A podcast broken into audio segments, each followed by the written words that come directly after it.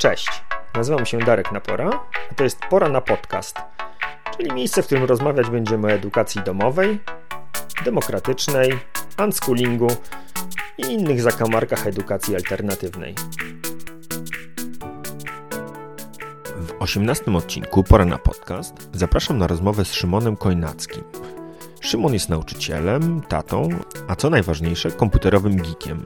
To jest entuzjastą nowych technologii. Porozmawiamy m.in. o tym, w jakim wieku jego dzieci zaczęły grać, ile czasu spędzają przed ekranem i jakie gry rekomenduje dla najmłodszych oraz o pewnym ważnym fragmencie cyfrowej rzeczywistości, w którym większość rodziców ponosi klęskę. Zapraszam.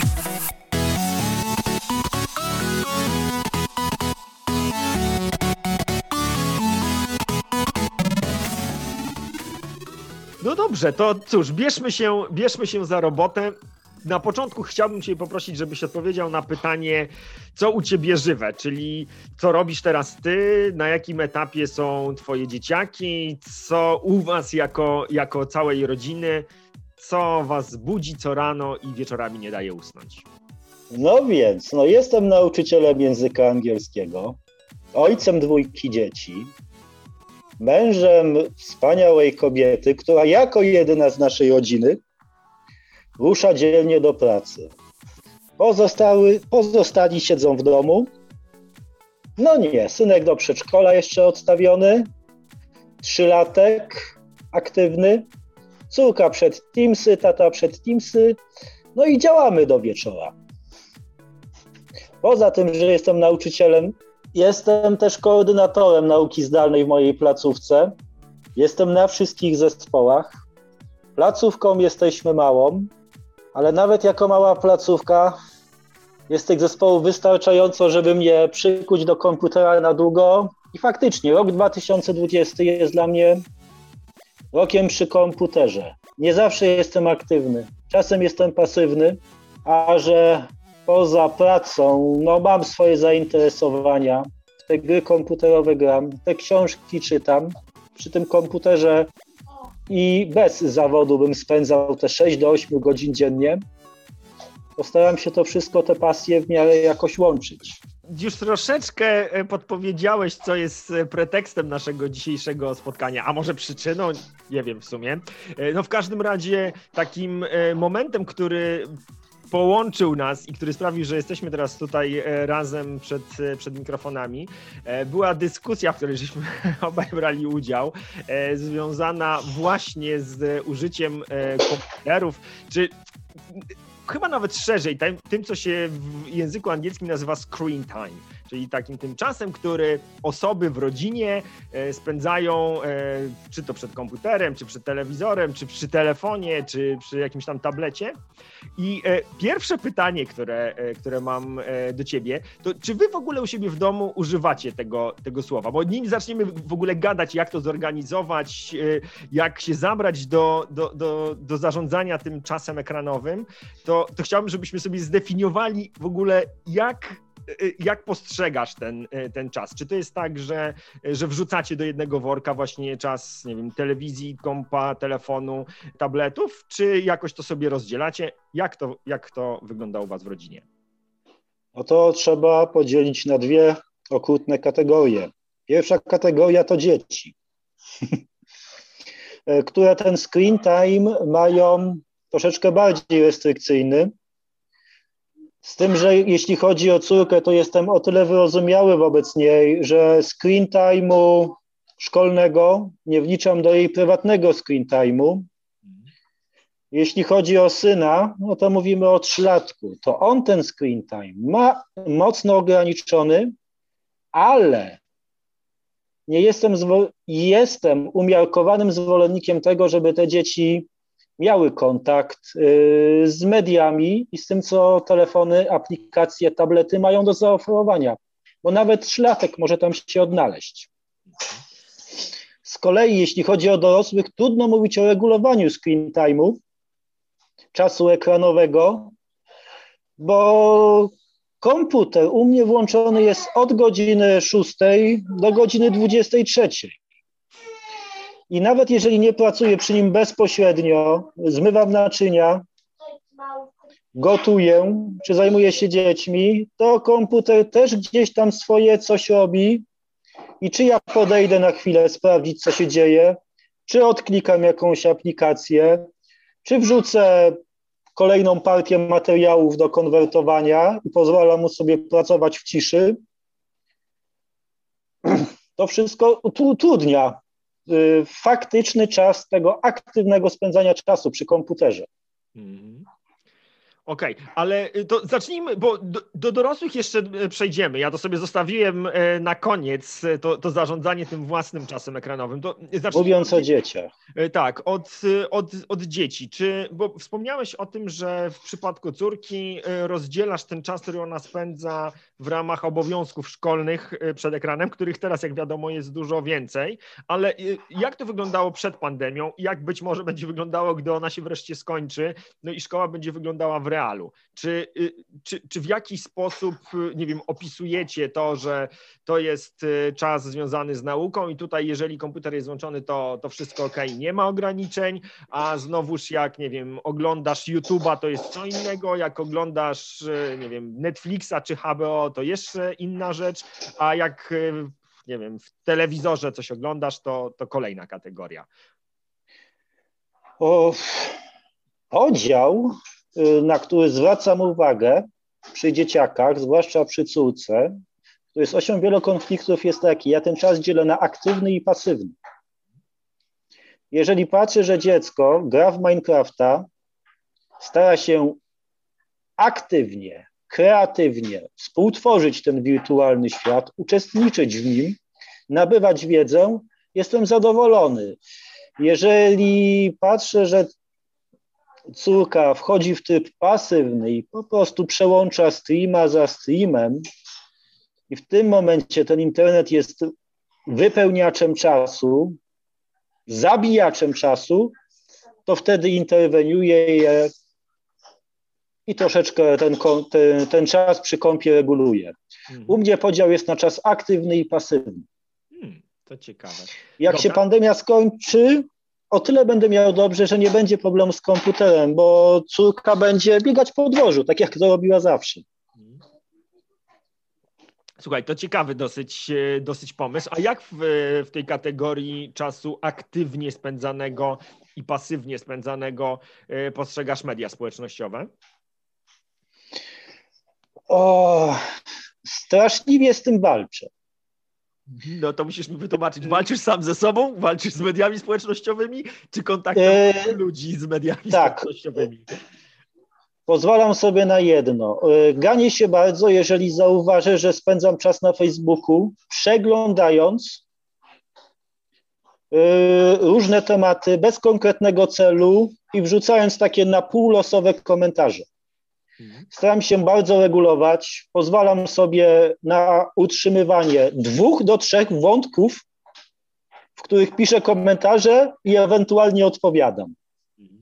Nigdy nie więcej. Nawet jeżeli to są jakieś półhumorystyczne, nawet jeżeli są w miarę puste, nie pozwalam sobie na sytuację, w którym zostawiam 20 komentarzy i wszystkie śledzę. Mhm. Dwa, trzy wątki, w których drapieżnie odpowiadam, których się udzielam. Nigdy więcej. Okej, okay. no to to... Media społeczne... Proszę. Przepraszam, że ci wchodzę w słowo. Y, to jest właśnie problem z y, nieoglądaniem się w kamerce, no nie? Że e, ten język ciała, kiedy kończysz swoją wypowiedź, że, że kończysz, a jak się nie widzimy, to, to e, trudno mi to czasami wychwycić. Także wybacz, jeżeli będę ci, um, będę ci przeszkadzał. Um, chciałem zadać Tobie pytanie dotyczące tych mediów społecznościowych związane z młodymi osobami, bo tak jak powiedziałem, o dorosłych sobie jeszcze pogadamy pod koniec, e, pod koniec spotkania, e, a, a, chciałbym, żebyśmy zachowali w tym jakiś porządek i dlatego zależy mi, żebyśmy najpierw zaczęli od tego e, momentu, gdzie my jesteśmy jakby facylitatorem, czy, czy, czy taką osobą, która pomaga zarządzać tą przestrzenią przed ekranem dzieciakom. I, i jak to postrzegasz, tę, tę kwestię aktywności czy kreatywności w tworzeniu przestrzeni w internecie w kontekście mediów społecznościowych, ale w rękach dzieciaków. Nie wiem, czy twoje dzieci już, już mają jakieś, mm, jakieś konta w mediach społecznościowych, natomiast no, jeśli nie teraz, to pewnie lada dzień będą miały i czy wciąż tutaj to kryterium pasywności i, i aktywności czy kreatywności będzie dla ciebie wymierne? No nie mają moje dzieci kont w mediach społecznościowych. Zgadzam się, że jeszcze, ale o ile jestem w stanie zrozumieć gry, jestem w stanie zrozumieć nawet tego YouTube'a, jestem bardzo ostrożny, jeżeli chodzi o media społecznościowe. Szum informacyjny, yy, brak jakichkolwiek filtrów informacyjnych albo więcej, to my sobie tam tworzymy te filtry informacyjne, żeby nas to nie zalało, to jest coś, co wymaga specyficznej dojrzałości. I pierwszy kontakt moich dzieci z mediami społecznościowymi, no będę starał się nie ingerować w to, ale do pewnego stopnia regulować. No to musisz Bo... to przetłumaczyć na, e, na zrozumiałe dla mnie słowa. Co masz na myśli, mówiąc, że e, nie będziesz chciał w to ingerować, ale e, będziesz to regulował? Myślę, że przynajmniej przez te pierwsze rok, dwa lata na Facebooku to dobrze by było, żeby córka miała mnie w swoich znajomych.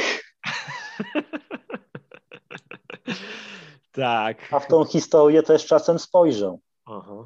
Okej. Okay. E, no słuchaj, rozmawia rozmawiamy ze sobą i ja wiem o czym ty mówisz, mówiąc o znajomych na Facebooku i zaglądając do historii, e, ale gdyby były wśród nas osoby, które, e, wiesz, korzystają z komputera w ten sposób, że mają trudności ze zrobieniem przelewu w banku, co masz na myśli mówiąc o historii? Bo to jest u dzieci najpiękniejsze. Dzieci przynajmniej na wstępnym etapie nie zdają sobie sprawy do końca z tego, że każda rzecz, którą zrobią, zostawia łatwo dostępny ślad w internecie i dokładnie można prześledzić aktywność dziecka w sieci, strony odwiedzane, czas, który na nich spędza. No i jest to, daje to bardzo dużo informacji komuś, kto o tym wie, czy to rodzic, czy dowolna osoba. No ja nie ukrywam, że co jakiś czas sprawdzam w historii, co ten mój dzieciaczek tam robi. E, kilka streamów, które oglądała, o kilka kanałów na YouTubie, to poleci, poprosiłem, żeby z nimi troszeczkę uważała, bo te treści tam były troszeczkę niewłaściwe. E, kilka osobiście poleciłem, sam się zainteresowałem, ale jest pewna cenzura tego, co jest w internecie w domu. Mhm. Okej, okay. a powiedz mi, a jak ty y, podchodzisz do tego, co jest właściwe albo co jest y, niewłaściwe? Czy jakiego rodzaju treści są właściwe albo niewłaściwe?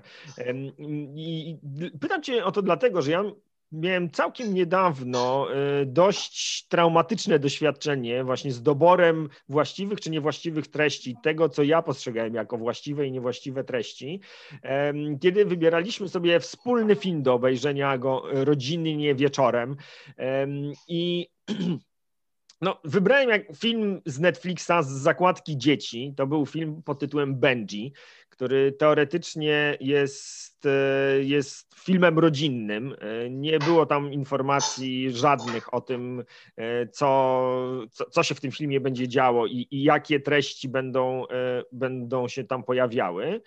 I, I to, że ja to zaproponowałem, jednocześnie ta, ta informacja o tym od tego providera, tak, czy tej, tej, tej firmy, która umieściła e, te treści w zakładce dla dzieci, spowodowała, że my wszyscy w rodzinie zostaliśmy tak trochę pasywni w tym, co się działo w rzeczywistości na ekranie. I teraz w momencie, kiedy moje dzieci oglądają coś, e, co same wybrały, na co, na co same się zdecydowały, to mają dość dużą łatwość w powiedzeniu, nie, to jest nudne, nie, tego nie chcę oglądać. Natomiast w momencie, kiedy to była rzecz, którą ja zarekomendowałem, to one nagle się stały strasznie bezbronne w tej sytuacji. Z jednej strony nie chciały już na to patrzeć, zakrywały oczy, córka w ogóle płakać zaczęła, a z drugiej strony... Yy, nie potrafiły powiedzieć nie, wyłączmy to już w ogóle. Co więcej, ja też w przekonaniu, że przecież jasna cholera, to ma być film dla dzieci. Wszystko będzie zaraz ok. No jedna taka scena się pojawiła, a tam cholera, co scenę to większy hardcore. E, I teraz mam pytanie, jak ty oceniasz, czy, czy, dany, czy dana treść, czy dany streamer, czy, czy dany youtuber robi rzeczy, które są akceptowalne dla ciebie, dla twoich dzieci, czy też nie? E, pomijając kwestie oczywiste, e, przemoc, nagość jest jedna rzecz, na którą zwracam uwagę w internecie i w doborze treści. E, przekaz w internecie, żeby się przebić do jak najszerszej grupy odbiorców, musi mieć jedno. Musi być silny emocjonalnie. Bardzo często on ma stymulować, ma być potężnym bodźcem, który tego odbiorcę przetrzyma. I czasami e, z drobnego przekazu, drobnej kresku, e, z kreskówki, z reklamy, okazuje się, że mamy do czynienia z czymś, e, co zostawia w tej psychice dziecka ślad. Dobrym przykładem są reklamy. Przez te kilkanaście sekund dostajemy, jesteśmy bombardowani treściami z reklamy, które mają nas mobilizować do kupna jakiegoś produktu. W przypadku streamu na YouTubie Czasami mamy do czynienia z sytuacją, w której czujemy się, jakbyśmy oglądali długą, 30-minutową reklamę o bardzo silnym przekazie emocjonalnym, który w dzieciaku może zostać na dłużej. I to jest coś, na co nie do końca się zwraca uwagę. Nie chodzi o treści, chodzi o skalę emocjonalną, na której dany stream, dany nadawca operuje.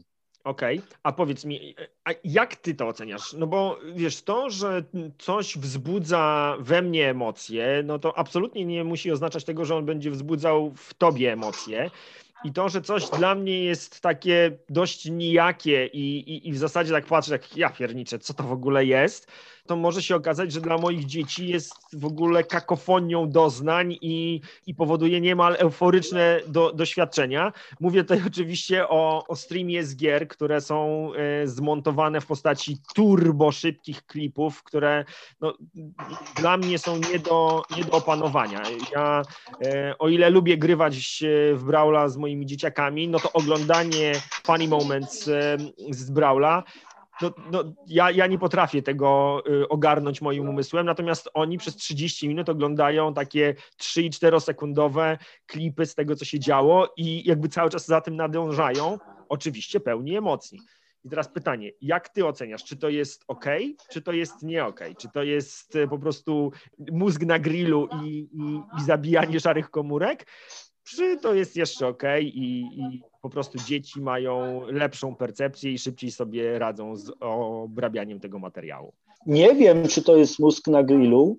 Wiem na pewno, że to jest próba wytworzenia jakiejś, próba stymulacji tego mózgu, stymulacji tego umysłu. Oglądając te klipy, oglądając streamy, odbiorca czuje się jakby sam grał. E, w wypadku starszych odbiorców albo ludzi aktywnie grających na wyższym poziomie, oni bardzo często streamy albo gameplaye e, oglądają, żeby czegoś się nauczyć. No, tak jak my oglądamy mecze, komentujemy, szukamy błędów, lepszych rozwiązań.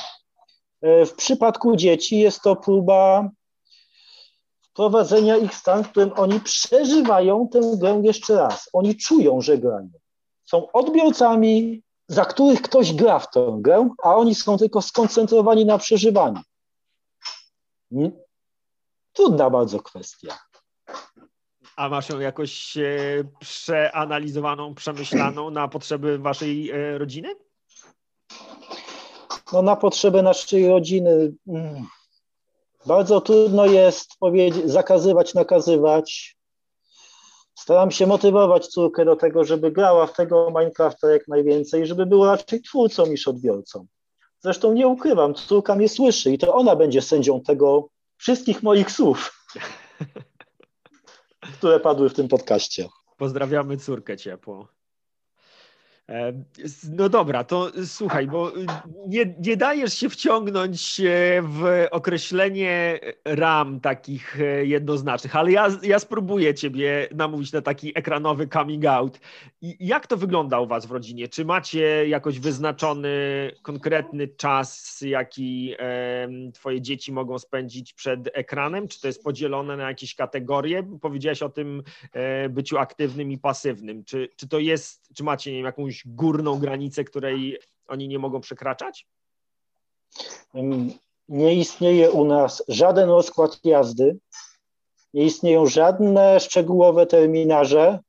Raczej przyjmujemy postawę reaktywną. Jak przez zbyt długi czas która nie daje czasu znaku życia, no to zerkam, co robi, albo wyganiam ją na dwór, albo każę jej zmienić pokój, albo coś poczytać i problemu większego nie ma w stosunku do siebie, no czasami muszę na siłę wyłączać Facebooka i zabierać się za różne inne rzeczy, na przykład papierologię w Teamsach albo tak zwane aktywne spędzanie czasu przy komputerze, czyli pisanie, kombinowanie, praca przy takich różnych fajnych aplikacjach, czy poszerzanie warsztatu, albo granie, które też dzielę na wartościowe i mniej wartościowe.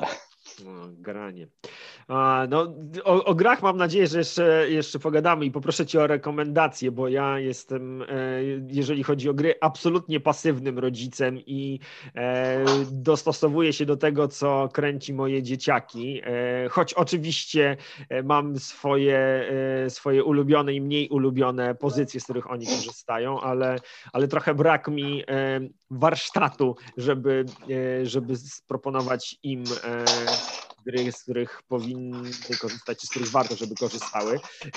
Ale jeszcze chciałem wrócić do tego, y, do tego wyznaczania czasu, bo myśmy też przez długi czas y, odpuścili kwestię y, zarządzania czasem przed ekranem i, i u nas ja to jednak bardzo oddzielam i, i zupełnie innym jest dla mnie granie w gry właśnie i a zupełnie czym innym ten czas, który spędzają przed YouTube'em. To trochę się pokrywa z tym, o czym ty powiedziałeś, czyli aktywny i pasywny czas, choć nie do końca, bo, bo Stasiek też nagrywa na YouTube'a, więc u niego ten YouTube to jest też trochę tam interakcji z tymi osobami, które coś mu odpisują, czasami jak nagrywa z kolegami właśnie jakąś tam, jakiś tam streaming, e, to, to jakby zaczynają się zazębiać te, te dwa uniwersa i, i aktywność i pasywność nagle jest niejednoznaczna ale u nas, u nas problem polegał na tym, że to rzeczywiście było tak, że w momencie, kiedy oni e, grali w gry, które wymagały takiego głębokiego skupienia,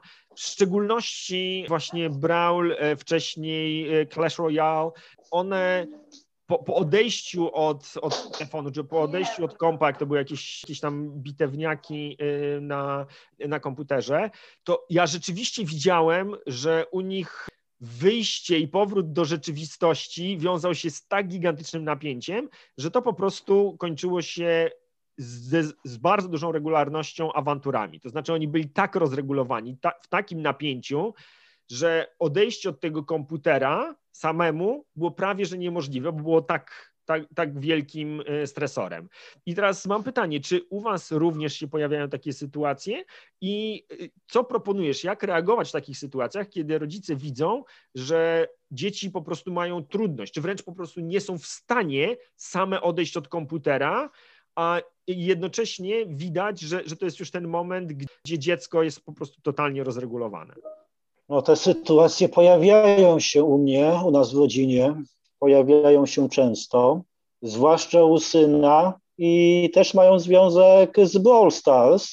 Syn też w tą grę gra, bardzo pasywnie, w końcu jest szlatkiem, ale dostaje grę na ten tak telefon na te swoje 20-30 minut, y, przez sobie kilka gier zagra, potem przejdzie w inną aplikację, ale zdarzają się sytuacje, w którym jest to napięcie emocjonalne, jest to pełne wejście i jak jest koniec telefonu, no to jest awantura. Nic z tym fantem nie da się zrobić. No dostaje, odbiera, jak nam telewizory wyłączali za dziecka, to też robiliśmy awanturę. pewne zasady do pewnego stopnia ustaliliśmy. Czasami, i to jest bardzo fajne, zdarza się, że on po odejściu od komputera, od telefonu raczej niż od komputera, przychodzi do zabawek i odtwarza to, co się działo w grze na zabawkach, cały czas troszeczkę w tym świecie żyjąc, funkcjonuje, ale tłumaczy to na zabawę zabawkami. Jest to dla niego jedno, jedna z atrakcji, ale nie jedyna, bo to chyba o to chodzi. Nie chodzi o to, żeby ograniczać, tylko chodzi o to, żeby dziecko miało zróżnicowaną rozrywkę. Żeby poza tym Brawl Stars była też zabawa klockami, budowanie, wychodzenie na dwór, czy tak najzwyklejsze zabawy ojca z synem, matki z córką. I w tym momencie, jak dla nich to jest częścią codziennego składu zabaw, o wiele łatwiej przechodzą do porządku dziennego nad tym, że tego już nie mają, że jest koniec. Jak popatrzymy, wyjdziemy na dwór, to latem na placach zabaw czy zawsze widać jakąś mamę, która z płaczącym dzieckiem pod pachą mówi, że już koniec, starczy do domu. No, to, słuchaj, opowiedziałeś o dwóch rzeczach, które we mnie bardzo rezonują. No, po pierwsze, to, to porównanie do, e, do sytuacji, kiedy nam za dawnych czasów e, telewizja nagle przestawała działać albo była przerwa w dostawie prądu i po prostu to było takie uczucie, jakby ci, o Jezu, członki urywali i, i na żywca próbowali łapę uciąć. Ja bardzo to pamiętam, kiedy był czas dobranocki i nagle przerwa w prądzie. No to po, dziecko najbardziej skrzywdzone na świecie świecie.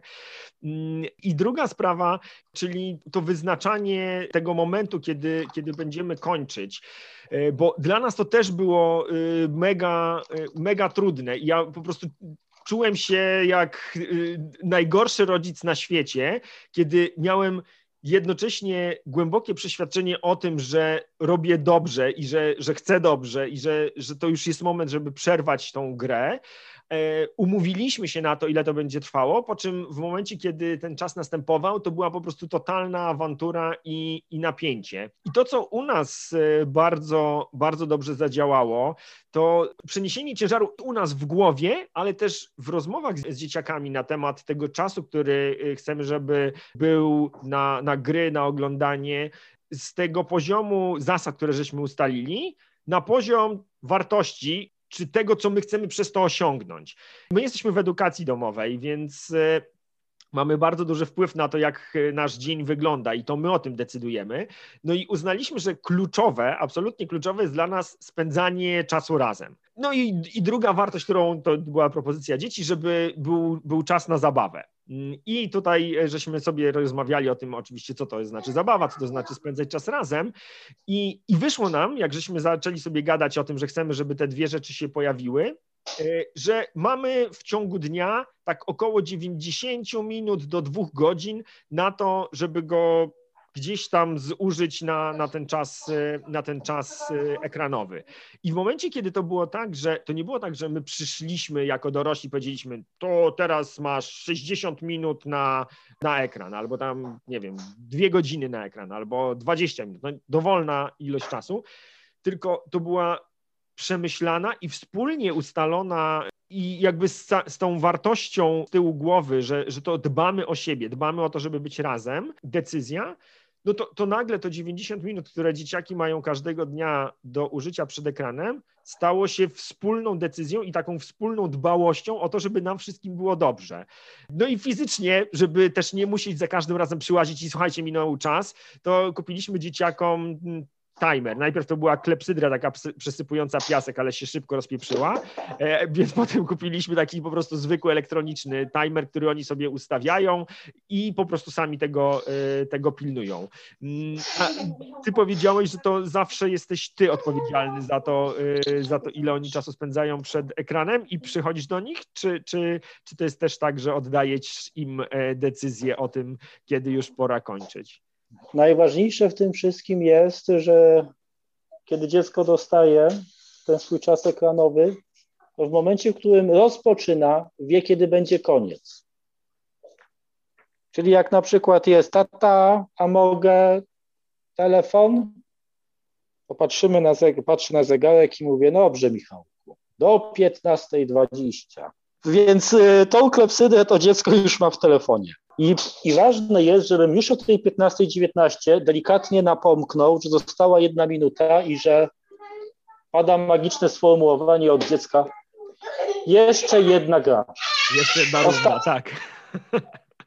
Żeby ona była tuż przed ostatnim czasem. Mhm. Okej. Okay. A słuchaj, nie, nie mierzi cię trochę to, że za każdym razem oni przychodzą i za każdym razem to ty masz brać za to odpowiedzialność? Bo mnie to potwornie wkurza. Ja, ja się po prostu czuję jak taki, wiesz, policjant, który ma tego pilnować, a, a ja nie chcę być tym policjantem. Ja wiem, że to jest fajne i, i ja wiem, że to, to jest po prostu przyjemność. I dlaczego ja mam być jakimś, wiesz, bucem, który za każdym razem przychodzi i musi kończyć tą przyjemność? Mnie to strasznie o... No nie wszystko w tym rodzicielstwie to taka fajna przyjemność. No trzeba czasem niestety być tym regulatorem i tą ostateczną instancją. No są fajne rzeczy w rodzicielstwie i smutne. Takie trochę cięższe. No, w momencie, w którym będę miał świadomość, że te dzieciaki mają w pełną kontrolę nad tym wszystkim, pełną autonomię, to z przyjemnością się osunę w cień. Ale jeszcze nie teraz. Jasne. No ja, cóż, ja też oczywiście nie pozostaję zupełnie e, bierny w, w tych decyzjach, e, ale, ale mi bardzo zależało na tym, żeby, żeby dać e, dzieciakom jak najwięcej narzędzi do tego, żeby one potrafiły same sobie tym zarządzać. Szczególnie w przypadku córki, która ma 6 lat, to, to, to takie narzędzia właśnie zapisują, e, ile tego dzisiaj było e, i, i, i, tego timera, pozwalają jej po prostu to, to, to robić bardziej, bardziej świadomie, bo e, no w momencie, kiedy nie, nie było tego fizycznego symbolu upływu czasu, no to, to, to, oni zupełnie się w tym zatracali i, i zegarek, no ale nie mam zegarka, nie widziałem coś tam, coś tam. Jeszcze jedna rzecz, którą, o której wspomniałeś, która jestem przekonany, że u wielu osób się po prostu zagotowało, jak to usłyszały, to twój syn ma 3 lata i gra sobie tak. w Brawla e, kilka razy tak. dziennie. Ja, no, ja już widzę te jeżące się włosy na głowie i tą złość. Ile? Trzy lata? I telefon?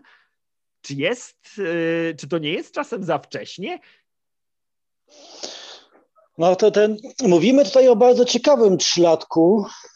Ten trzylatek, niedługo czterylatek, bez problemu radzi sobie z liczeniem, zna się na zegarze, do pewnego stopnia przy na tarczy zegarowej dodaje, odejmuje, zna wszystkie litery i powoli, powolutku czyta.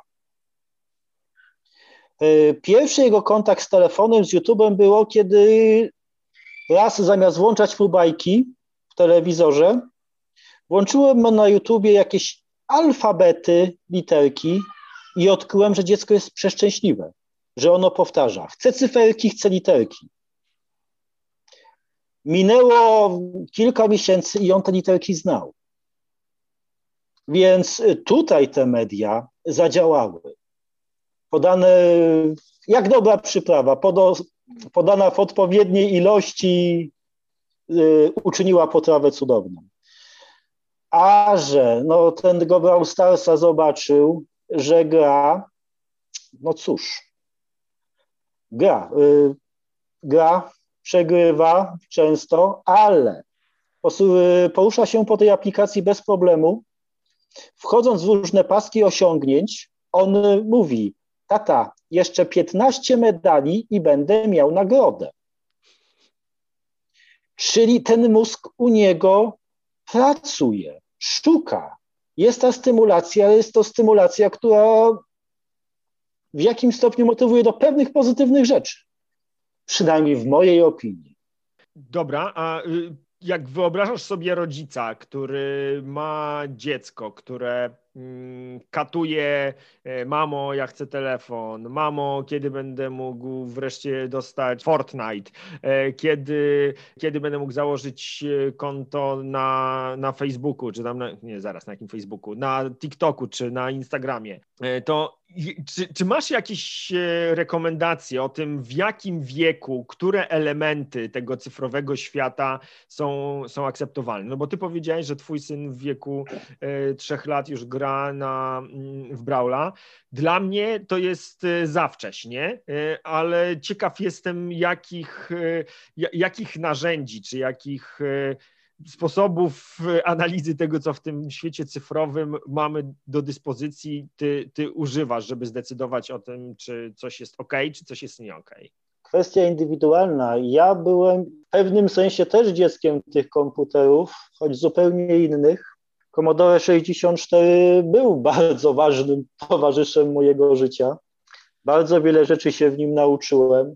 W te gry, w tych grach funkcjonowałem nie tylko, wiele rzeczy się uczyłem. Samo to, że jestem nauczycielem języka angielskiego, zawdzięczam właśnie temu, że jako ten 7-8-latek, mając w szkole tylko niemiecki, ja grałem w te gry. I w tych grach szukałem słów. Jak dzieciak gra w tego Brawl Starsa, ma takich jeszcze kilka innych swoich aplikacji, mamy kilka wspólnych gier, to zauważam u niego pewne rzeczy. On stara się nie tylko kliknąć play i grać, ale pewne podstawowe procesy zarządzania, procesy decyzyjne w grach stara się na swoją bardzo ograniczoną miarę y, pojmować. No i ja to obserwuję. No zresztą gra przede wszystkim na moim telefonie, więc ja wiem, co się dzieje w tych grach to, co teraz powiedziałeś e, o obserwowaniu, e, to jest oczywiście mega istotne i to już e, chyba drugi czy trzeci raz o tym wspominamy, żeby być świadomym tego, co się dzieje w tym, w tym świecie cyfrowym dzieciaków, ale ja nawet bym poszedł z tym jeszcze, jeszcze krok dalej, bo dla mnie to co, to, co jest kluczowe w tym czasie spędzanym przez dzieciaki, w zasadzie w dowolnym medium i czy ono jest aktywne, czy pasywne, czy to jest oglądanie, czy granie, to jest nie tylko ja będący obserwatorem, tylko ja będący towarzyszem. I, mm, i, i to w moim odczuciu absolutnie zmienia perspektywę tego, co się, co się tam dzieje. I, I, w zasadzie na każdym poziomie, bo y, od momentu rozpoczęcia tej gry, kiedy dzieciaki zupełnie inaczej zaczynają grę, kiedy któreś z nich jest samo w domu i zaczyna samo grać, a zupełnie inaczej to wygląda w sytuacji, kiedy grają we dwoje e, albo grają z kimś, z jakimś kolegą, który gdzieś tam jest w swoim domu i na przykład przez drugi telefon czy, czy przez jakiś tam komunikator się ze sobą dogadują o tym, jak będą razem grali. A jeszcze intensywniejsze jest to doświadczenie, kiedy razem e, w tej grze e, z nimi jest któreś z nas, któreś z rodziców. I, I ta obecność w tym świecie, e, nie polegająca tylko na kontroli i obserwowaniu tego, co się tam dzieje, tylko aktywna obecność, to jest moim zdaniem absolutnie bezcenna sprawa. I mm, Pamiętam kiedyś Przemek Danowski powiedział, e, tak, taki zrobił warsztat e, cyfrowa kompetencja versus cyfro, cyfrowa demencja. I, e, ja tak staram się o sobie myśleć, żeby nie popaść taką demencję w tym świecie, w którym moje, moje dzieci żyją. Więc chciałem Ciebie zapytać, czy Ty towarzyszysz też dzieciakom w tych, w tych doświadczeniach cyfrowych? Gracie razem w gry? Oglądacie razem rzeczy na YouTubie? Wspólnie nie gramy, ale przy każdy sukces syna w grze to jest sukces, o którym nas informuje, tata, tata, wypadła legenda, tata patrz, fantastycznie. Czasami patrzę na te gry, rozmawiamy sobie o postaciach. Jednym z najpiękniejszych rzeczy, które mój syn zrobił, to było w sytuacji, w której leżałem na kanapie. Syn do mnie podchodzi z moim telefonem i Kindlem i mówi: Tata, to ja sobie usiądę koło ciebie ty poczytasz, a ja pogram. I, po, i tak razem posiedzimy. No i faktycznie wziąłem tego Kindla, dałem mu trochę, pokazał. Są pewne gry, w które graliśmy wspólnie. Miałem jedną taką małą gierkę, w którą ja sobie grałem, a on, mu tam, on mi tam wchodził. I w efekcie skończyła się ta gra tym, że ja gromadziłem surowce, którymi on potem według swojej woli dysponował. Aha. Ale tak, y, ważne jest jedno, żeby świat gier nie był światem, w którym, do, w którym nie ma rodzica. Hmm. To jest najnormalniejsza część świata. Jest w tym rodzic, jest to coś wspólnego. I wtedy nie dochodzi do tej izolacji, tego zamknięcia dzieciaka w tym świecie, bo to jest chyba największy problem. No dobra, ale to żebyśmy nie gadali tak, wiesz, na poziomie tylko y, chmur i, i pod samym słońcem, zejdźmy na ziemię. To jakie gry? Jakie gry i dlaczego tak, albo jakie gry na pewno nie? Czy, czy są jakieś takie propozycje, które ty uważasz, że po prostu każde dziecko, które y, wychowuje się w XXI wieku, powinno mieć z nią kontakt, a, a które są dla ciebie siedliskiem zła? Przede wszystkim chyba każdego dzieciaka w tej grupie wiekowej do 14 roku życia koniecznie chciałbym przepuścić przez tego Minecrafta. Do tego stopnia, że nawet nie wiem, czy nie powinien być istotnym elementem informatyki w szkołach. Minecraft, czyli gra w tworzenie świata, budowanie tego świata, y, właściwie pilotowana sprawia, że te dzieciaki zarządzają, tworzą, budują. I potem jedno y, proste pytanie, prosta kwestia, która wychodzi. Ile potrzebujesz tego żelaza, żeby zbudować to i to? I dzieciak mówi, tyle a tyle. Y, no a jakbyś chciała mieć 10 takich, to ile trzeba? Ile potrzebujesz marmuru, żeby zbudować ścianę w swoim pałacu? A to można wyliczyć z, z pol, z, ze wzoru na pole. Gry mogą być i często są pretekstem do tego, że te procesy decyzyjne pracują. Jest wszystko to, co, o czym mówią ludzie, którzy narzekają na szkołę. To jest teoria w praktyce Tylko... i zwłaszcza tam matematyka. Mhm. No tak, matematyka to jest takie zgniłe jajo. Y, moje dzieci nie dość, że są w edukacji domowej, to jeszcze jestem takim trochę anarchistą edukacyjnym i, i my podążamy taką ścieżką mocno unschoolingową, czyli dajemy dzieciom bardzo wiele swobody w tym, czy i czego się uczą. Ja oczywiście mam jakieś swoje ideały i od czasu do czasu próbuję im coś tam zaproponować, co oczywiście się kończy zazwyczaj e, sromotną porażką z mojej strony, ale mam takie przekonanie, że nauczyciele i, i, i, często w ogóle dorośli mają taki wielki talent do tego, żeby spieprzyć niektóre rzeczy. I, i nawet e, tego Minecrafta, którego, który jest po prostu przefantastycznym narzędziem i, i właśnie w, w postaci e, streamów dzieciaki przedużo się potrafią nauczyć z zakresu matematyki. No geometria po prostu jest tam immanentnym elementem, tak? No, nie da się bez, bez wyobraźni przestrzennej i geometrii nic w zasadzie zbudować na, w tym trybie creative. Natomiast jak zaczynają się brać nauczyciele za wykorzystywanie tego, tego Minecrafta, no to potrafią to do tego stopnia y, zohydzić dzieciom, że dzieci po prostu nie chcą już nawet e, do, do Minecrafta usiąść. I, I teraz mam pytanie do ciebie, jak to zrobić, żeby te, te wartości, te wszystkie wartościowe rzeczy, które gry ze sobą niosą, dzieciakom ofiarować i, i, i dać im e, z tego korzystać, ale jednocześnie zadbać o to swoje poczucie, że, że kurczę, to jest y, niebezpieczne i, i, i, dzieci od tego tyją, nie mogą w nocy spać i, e, i, wyrosną na socjopatów. No przede wszystkim, no jak to z narzędziem? Jeżeli chciałbym nauczyć dziecko, jak wbijać gwoździem, gwoździem młotkiem, musiałbym zrobić jedną rzecz, której czasami jako dorośli nie chcemy robić muszę dziecku ten młotek dać do ręki. A jak my czegoś uczymy, to my nie dajemy do ręki. My pokazujemy, my wbijamy setki gwoździ tymi młotkiem, każemy dzieciom patrzeć, robić z tego notatki, obserwować, komentować, robimy sprawdzian z tego, co dzieci się nauczą, patrząc, jak my wbijamy młotkiem. Młotek trzeba dać.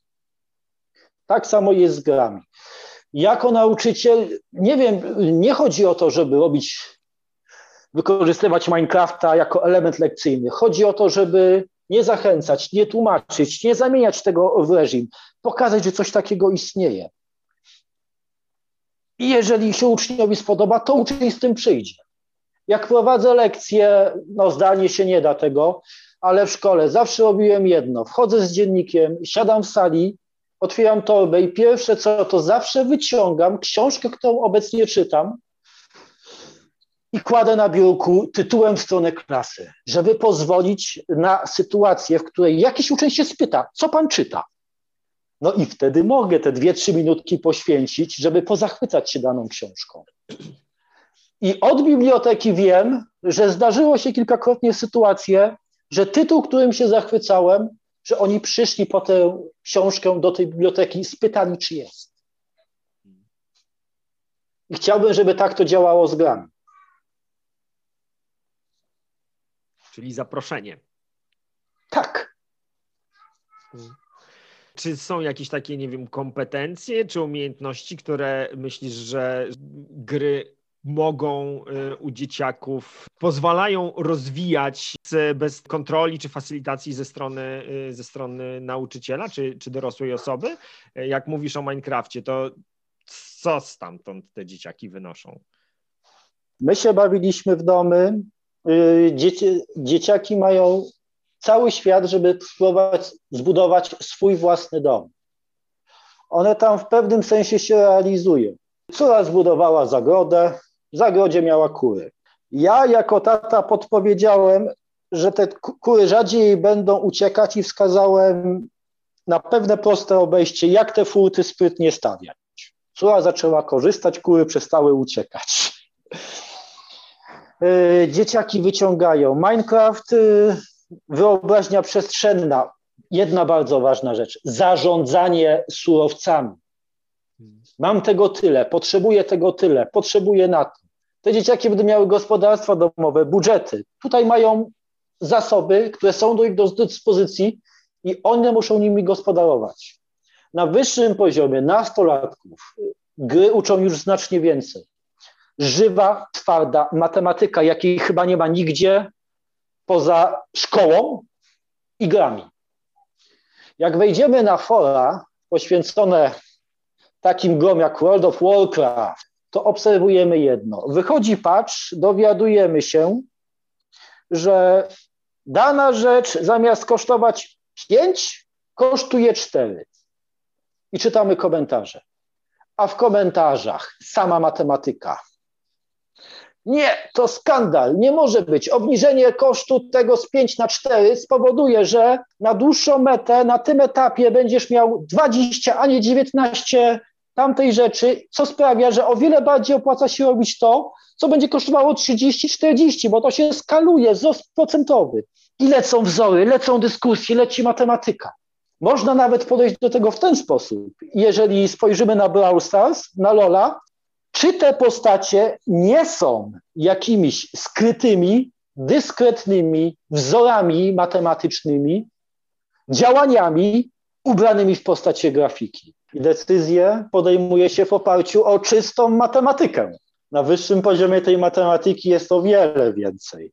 Dobra, to y, Minecraft jako, jako źródełko wyobraźni przestrzennej, matematyki, geometrii. E, z Minecraftem ja mam kłopot, e, bo my nie jemy mięsa u nas w rodzinie i tam mam kłopot z tym, że się co i raz te biedne zwierzaki zabijają, one się tak e, zupełnie nie, nierealistycznie zamieniają nagle w te kotlety i, e, i, i, i jedzonko, które teoretycznie ma być e, bardzo smacznie wyglądające, a w realu to wygląda trochę inaczej. No ale też, A poszukałbym po modach, czyli modyfikacjach do gry. Że będzie jakaś... wersja wegetariańska? Tak. Wcale bym się nie zdziwił, obczaję.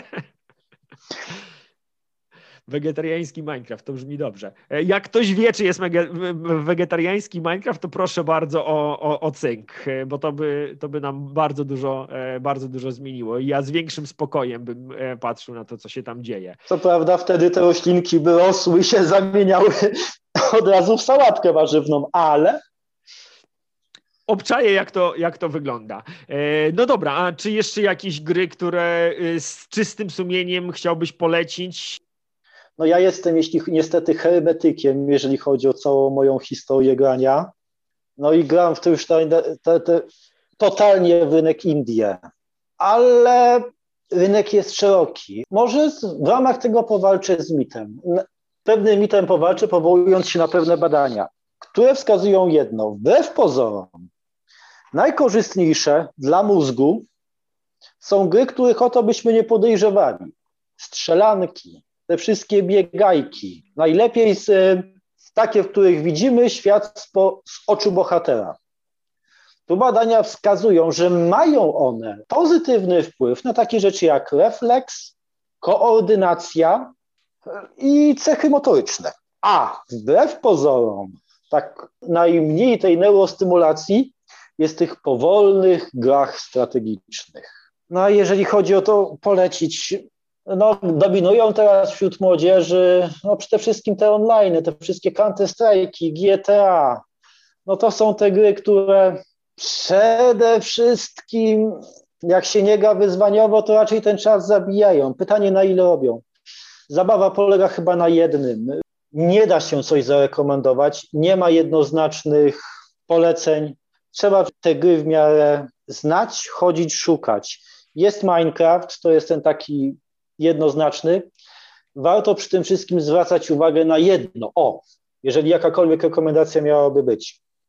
E, szukać gier z mniejszych studiów, które nie są zorientowane na bardzo agresywny marketing, gry tańsze, mniejsze, bo one są y, skierowane do troszeczkę niszowej grupy odbiorców, którzy przede wszystkim szukają w grach tych wyzwań intelektualnych. Tak jak na przykład Minecraft, o czym część osób nie wie, jest dzieckiem jednej z takich gier, czyli Dwarf Fortress. Gry od 25 lat pisanej przez jednego człowieka, który nawet nie jest informatykiem, a matematykiem. Gry, która pomimo tego, że zajmuje kilkaset mega, jest w stanie rozłożyć każdy procesor tylko przez to, ile ona mieli tych danych. I te wszystkie gry, takie nastawione na tworzenie, budowanie światów w najróżniejszym stopniu komplikacji, są tymi grami, które ja bym y, sugerował dzieciakom jako formę diagnozy. Jak one w nią grają, co one w nią robią. Bardzo ważnym terminem dla rodziców, którzy by chcieli poszukać gry, jest słowo sandbox, czyli piaskownica. Domyślnie tym terminem określamy te gry, które dziecko włącza i robi w nich co chce. To są gry, które nie mają określonego celu, nie mają jasnej struktury zadań, tylko które są nastawione na to, że biegamy sobie po świecie i albo budujemy domek, albo polujemy na zwierzątka, albo sobie, dajmy na to, wystawiamy armię, albo koncentrujemy się na budowaniu jakiejś utopii nastawionej na gospodarkę. Te sandboxy są tymi grami, które mogłyby do pewnego stopnia służyć jako psychotesty.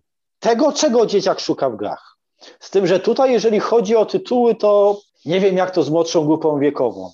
Ja jestem ten stałuch weteran i te gry mam tak już do siebie dopasowane, że mało jest osób, które też w to gra. No słuchaj, to y, polecam w takim razie, żebyś się zastanowił i może jeszcze pod koniec zaproponujemy jakąś, jakieś konkretne tytuły do, do tego typu gier, bo brzmi to, muszę powiedzieć, dość fascynująco, choć z twojego opowiadania, no to mi się pier w pierwszej kolejności skojarzył oczywiście Minecraft, bo tam, tam ta dowolność y, wyborów i, i możliwość y, w zasadzie zrobienia wszystkiego, tak? Co sobie, co sobie zamarzysz, tak jak, tak jak w piaskownicy jest obecna. No ale jeżeli są inne, to, to chętnie jeszcze o nich usłyszę. A mm, już powoli chciałbym y, zawijać do portu z tą, z tą naszą rozmową, a obiecałem, że na koniec jeszcze pogadamy o, o dorosłych, czyli o nas i o tym, jak my korzystamy z ekranów. W sumie ile tego ekranu każdy z nas ma, to jest do tego milion aplikacji. Jak ktoś będzie chciał sobie pomierzyć i w skrytości sypialni wieczorem sprawdzać, ile czasu poświęcił na różne aplikacje, to, to, to może to zrobić I, i tutaj nie chciałbym strzępić e, języka. Natomiast jest jeden aspekt, który w kontekście naszej rozmowy, a szczególnie rodzin w edukacji domowej jest mega istotny, to jest w jaki sposób i czy korzystamy z telefonu w obecności dzieci. O ile te sytuacje, o których ja mówiłem, gdzie razem e, korzystamy z ekranu, nie tylko telefonu, e, czy nie wiem, oglądamy razem film, oglądamy coś wspólnie na YouTubie, gramy razem w jakąś grę, no to tutaj mam, y, mam, mam jasność. Dla mnie to jest wspólny, wspólnie spędzony czas z dziećmi, równie ważny i równie wartościowy jak wyjście na spacer, jak nie wiem, gra w piłkę czy, czy malowanie y, figurek. Po prostu wspólnie spędzony rodzinny czas.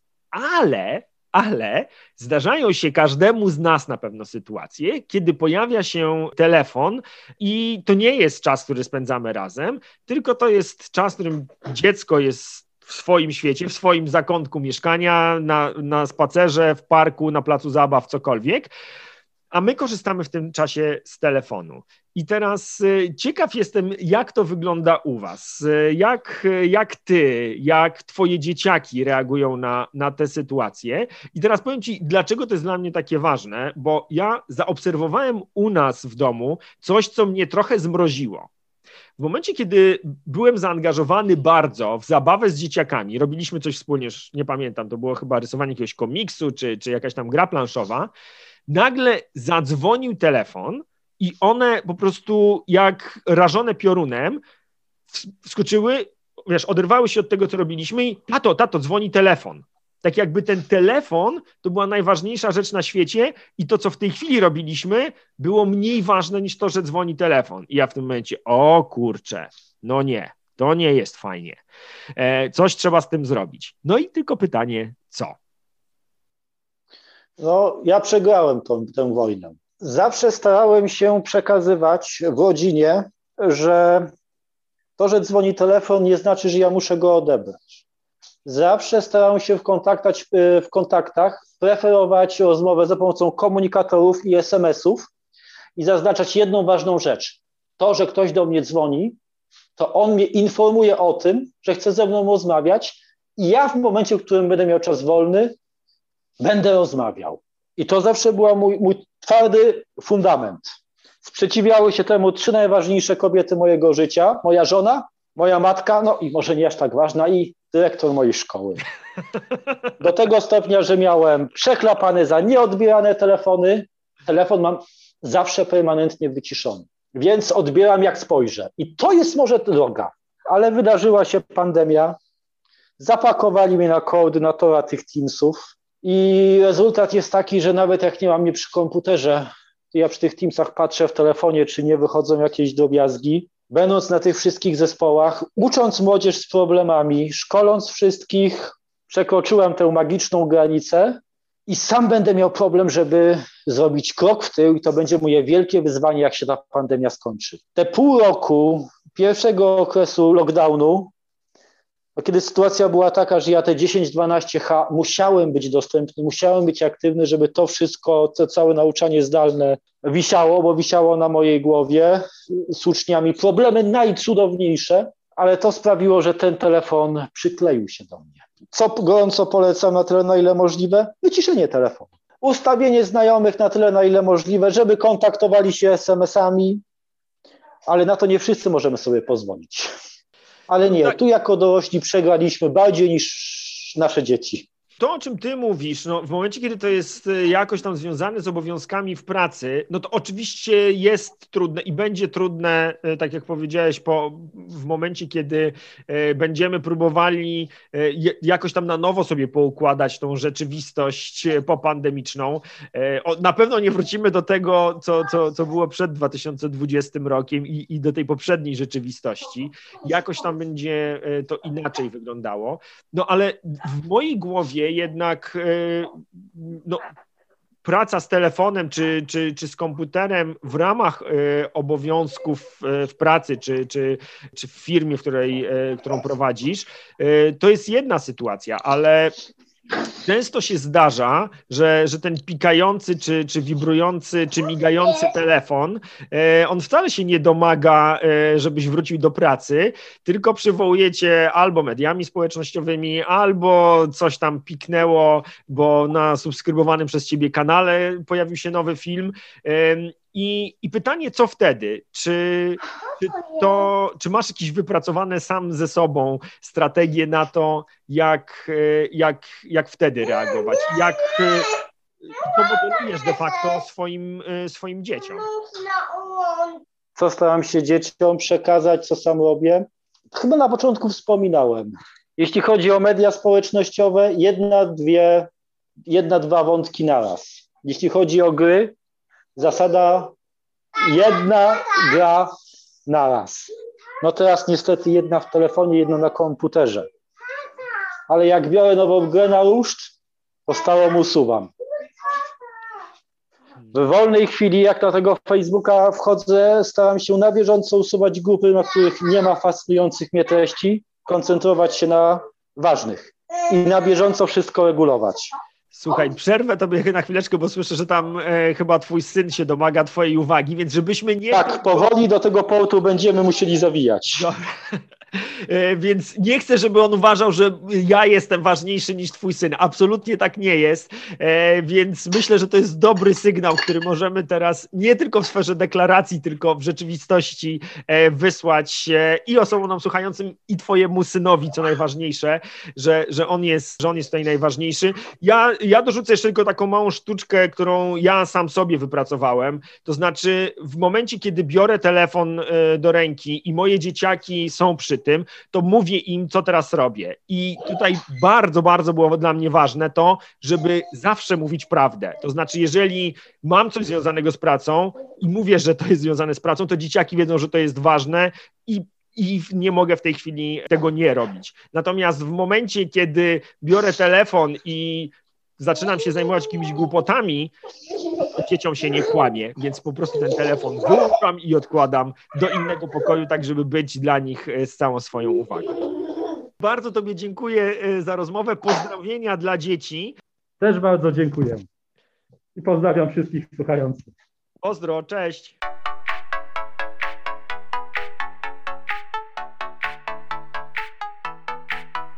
Dzięki za wysłuchanie kolejnego odcinka Pora na podcast.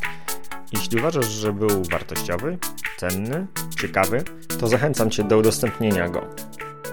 Jeśli masz jakieś pytania, wątpliwości dotyczące edukacji domowej albo któregoś z tematów, który poruszaliśmy w odcinku, to zapraszam Cię do kontaktu. Mój adres znajdziesz w opisie tego odcinka.